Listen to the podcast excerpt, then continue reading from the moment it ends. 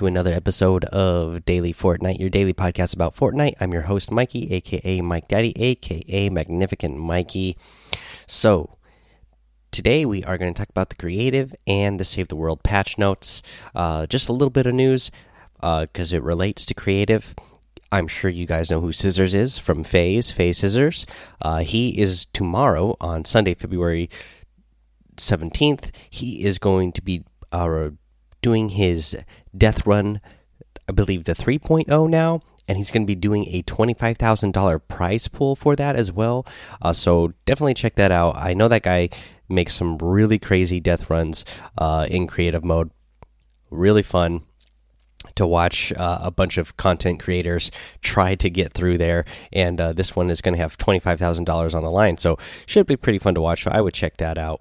Let's see here guys. Now let's get into the patch notes. Uh, i'm not going to do too much notes news today just because I want to get these patch notes done. Let's do creative. What's new? Resizing props. Too big or too small? Adjust props until they are just right with this brand new functionality. Uh, for the music sequencer, create, combine, and play your original tunes with this brand new tool for aspiring musicians. You have islands. Published islands will display their island code as a watermark or visiting players. Creators can turn this off on the My Island game tab. Uh, adjusted the spawn location for players in the Creative Hub to make it easier for new players to find featured islands. They double si they doubled the size of the featured island pictures in the Creative Hub. Uh, for bug fixes, they fix not being able to control your player when using the menu to return to Creative Hub while the end of the game stats was displayed. They fix an issue where respawning or traveling to a blocked destination would send players back to the Creative Hub. For gameplay, they added a new game winning condition collect items to win. So the option range from uh, includes 1 to 10, all, and calculated based on the number of challenges items placed on the island and off. They added the new game option Join in Progress. This allows creators to choose if late joining players will start as a player or spectator. They added a new game option Auto Start, sets whether the game waits 30 seconds before starting. New scoring condition. They added a collect item score preset for scoring island games based on the number of challenges items collected. A new scoring condition in the elimination score preset when players tie on the number of eliminations, the most health at the end of the game wins. Devices will automatically build floors upon placement, making it easier for placement. So, a lot of really cool stuff here that where uh, creators are just going to be able to make even more cool uh, levels and different uh, options for different uh, games to play. So that is a lot of fun. So I'm sure you'll see uh, a lot of those in the community. Uh, for bug fixes, they fixed an issue where the player's ability to jump would break after returning to the creative hub while a mini game is started. They fixed an issue where the player would occasionally not see the scoreboard if they joined the island during a game. Fixed an issue where eliminated players who leave and rejoin the game would return as a player and not a spectator. They fixed an issue on mobile where controls would could become unresponsive when using certain combinations of touch and controller buttons. For weapons and items, they added the infantry ri rifle, and we went over these details in the last episode, so I'm not going to cover all of those. And same thing with the Cupid's crossbow, uh, it is back for a limited time in there as well. And for bug fixes, they due to problems with the Sneaky Snowman that could crash servers or affect performance, Sneaky Snowman can no longer be copied using the phone. We're planning to improve this in a future release. For creative tools and phone, they add the ability to resize props. So, with the phone equipped, you can now switch to resize mode, hold down right face button on controller or right mouse button on a mouse to toggle. In resize mode, you can grow or shrink props, hold left or the right bumper on controllers or R Z buttons on keyboard. Props can be enlarged up to three times their original size or shrunk as small as a third of their original size. A holographic drop shadow will now show you where a prop will fall before you place it when it drops. Uh, when drops is turned on, so that is really cool. Um, that you can uh, really, you know, make props different sizes and make uh, you know really customize the details of your uh, of your island that you are building. And uh, I like the fact that you you'll get a little shadow showing with exactly where the item is going to drop now when you drop it too, because that'll make it a little bit easier when you're trying to create things. Uh, and put them in the exact right spot. Uh, for bug fixes, they fix various assets that would fall through the floor when dropped on the terrain. Fix an issue where players could drop items at their feet using the phone tool, causing various issues. Let's see here. They, for prefabs, added new obstacle course, Arctic base, Winter Village, and Ice Castle prefabs. They added new gallery tab in the creative inventory, separating galleries from prefabs to make it easier to find the prefab you want. They added a new visualizer, visualizer gallery, reacts to music played through the radio prop in the visualizer gallery, and combined Disco Gallery A and B into Disco Gallery for devices. They added music sequencer device, triggers music blocks, has looping trigger settings and tempo options. The sequencer can trigger other sequencers. So that's really cool. They added a radio device in the visualizer gallery that plays music and ambient noises, has volume and attenuation settings. Item spawner added a configurable option that allows the first spawn to be delayed. Added more time options to time between spawns option 1, 2, 3, and 4 seconds, 3, 4, and 5 minutes. So the, uh, these devices, especially the music ones, make me really excited. I really need to get in creative more and play more uh, as somebody who, um, you know, had a lot to do with music. Uh, years ago, I, am really interested in uh, trying out these, uh, especially the sequencer here, because you can really make uh, some some really good stuff. I think using a sequencer, and it's cool that Fortnite has sequencers inside of it. Uh, let's go here to the bug fixes. So for the bug fixes, they fixed an issue where the uh, concert spotlights would turn red after the phone tool cursor passes over them, fix an issue where an archway prop from the Ice Castle prefab would occasionally delete player built buildings when placed nearby, fix an issue where the player was unable, or sorry, fix an issue where the player was able to build beyond the memory thermometer maximum limits, fix collision issues with the Levines from the Nature Shrub Gallery, fix an issue where the glow stick light would disappear and uh, disappear when re entering an island. They adjusted the name to Village Building Color Gallery A in the Creative Inventory. Fix an issue where the placeholder texture appeared over the glow sticks from the ambient gallery after highlighting them with the phone tool. They fixed the damage rails to allow them to be properly placed on inclining and declining ramps. Fix an issue where item spawner devices would function incorrectly between successive games fix an issue where the elimination zone device would not be destroyed if their floor tile was destroyed after a game ends. They fix an issue where the barrier device could not be customized when placed on a wall on mobile. They fix an issue where the sound effects from losing a movement modulator buff plays twice when running over a speed boost pad. Fix an issue where a barrier device visualization area would display incorrectly when oriented horizontally with height 2. They uh, fix an issue where the items inserted into the default item spawner do not appear in the player's inventory if their team and spawner's team settings are set to a number higher than 1.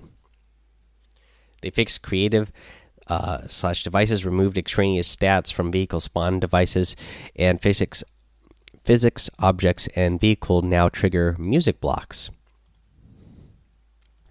And now let's do teams. They fix an issue where the player respawns on the wrong spawn point when switching teams after running out of respawns. They fix an issue where the player would enter a down but not out state when switching teams if the game setting down but not out is active. They randomized which teams players are assigned to on game start. This was previously determined by the order in which players join the island. They fixed an issue where the first time a player opened the team select dialog, it would display the correct team, but apply would set them to team 1 if the player didn't adjust the team. They fixed several crashes caused by respawning. Uh, for UI, they added the description tab to My Island menu for creators to write more detailed game descriptors, descriptions, and rules for their published islands. They added game start screen for published islands, add games descriptions and options to start the game or support the island creator. Added a supported creator button to the game start screen. Open supported creator auto filled with the island creator's name. Man, I really need to create some really cool items or islands. That way, uh, you guys could just click that autofill button there.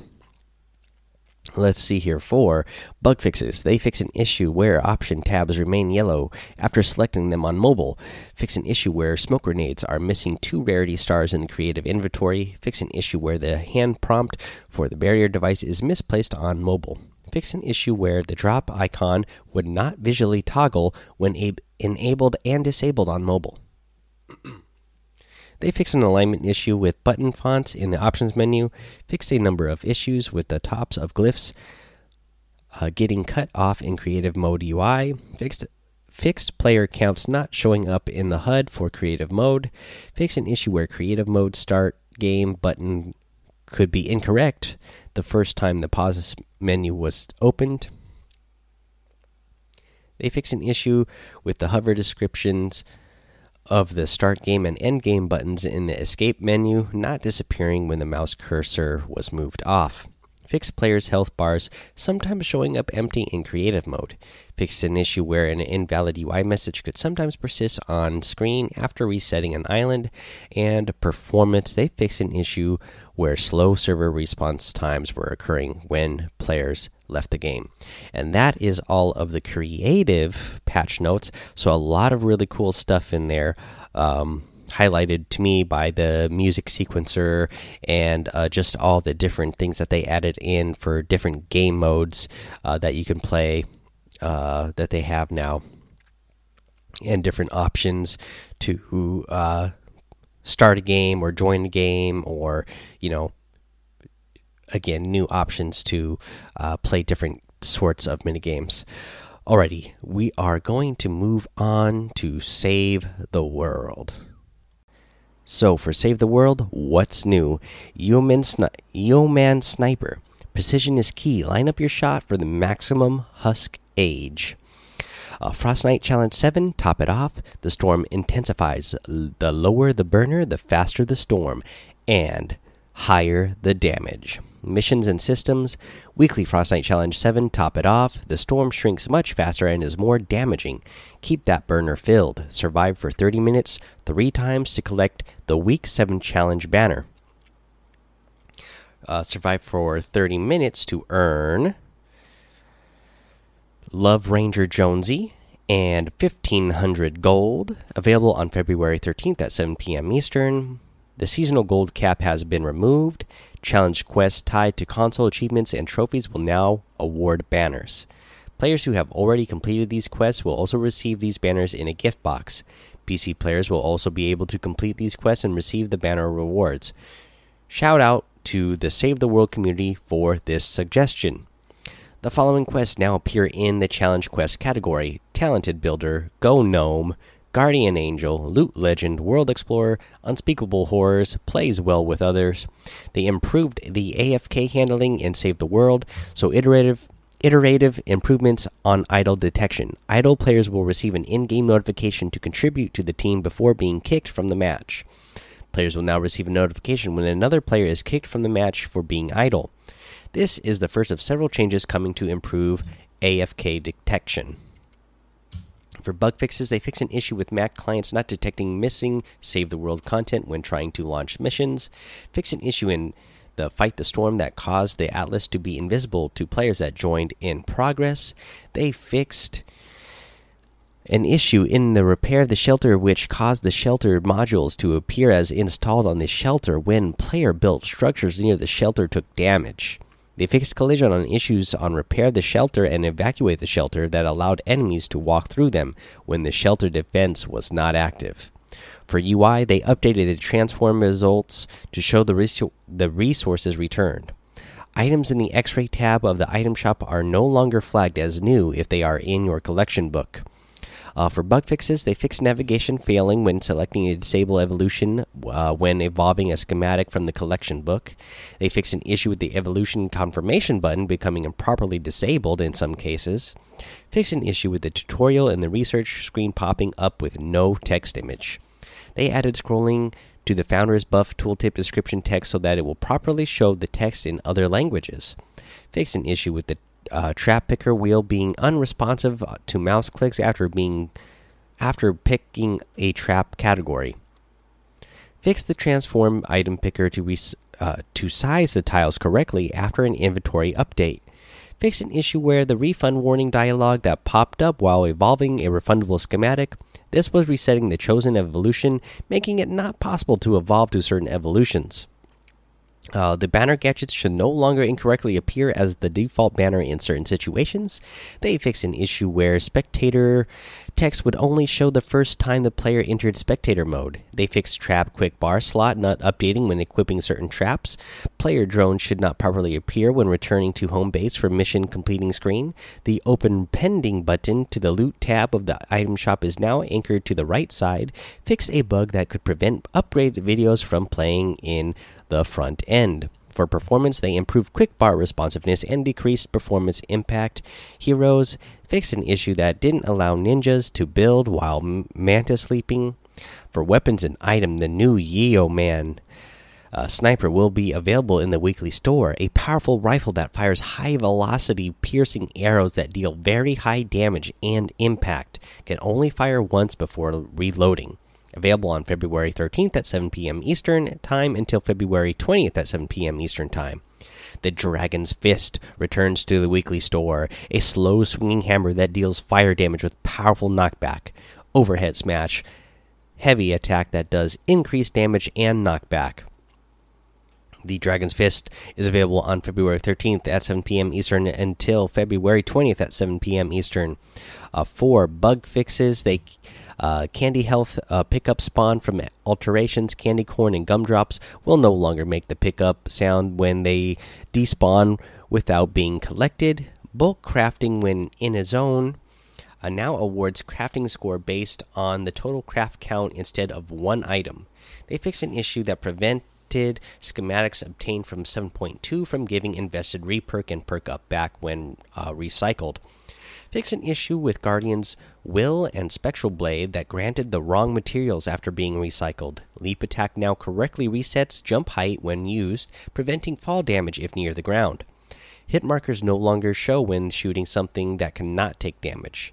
Fix the one star Dragon's Fury having the incorrect power level when crafted.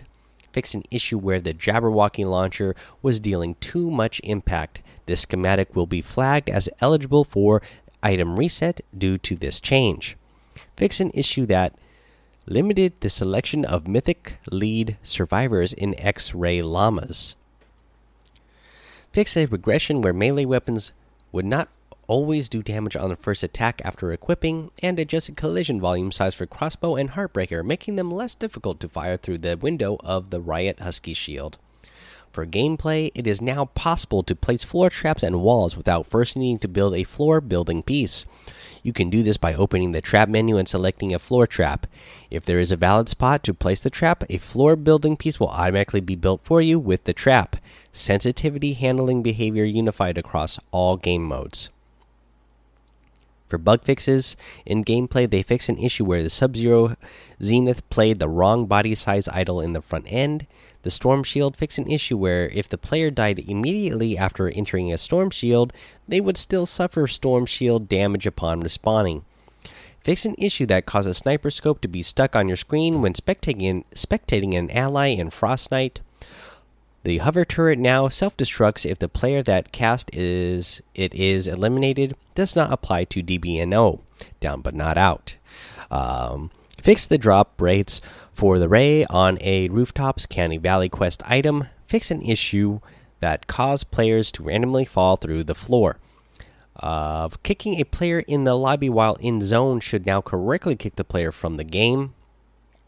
For enemies, Flinger behavior has been updated, so they no longer use ranged attacks against players, only use their melee attacks against players at very close range.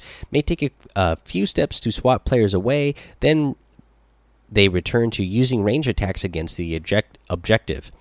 Use the, their roar before throwing less often. Uh, melee damage against walls has been increased. Range attack damage increased to match the lobber. Throwing and melee animations have been sped up slightly. Enemies thrown by the flinger will no longer fall out of the sky when they are damaged. Uh, and they removed ranged weapon resistance from the flinger and increased health.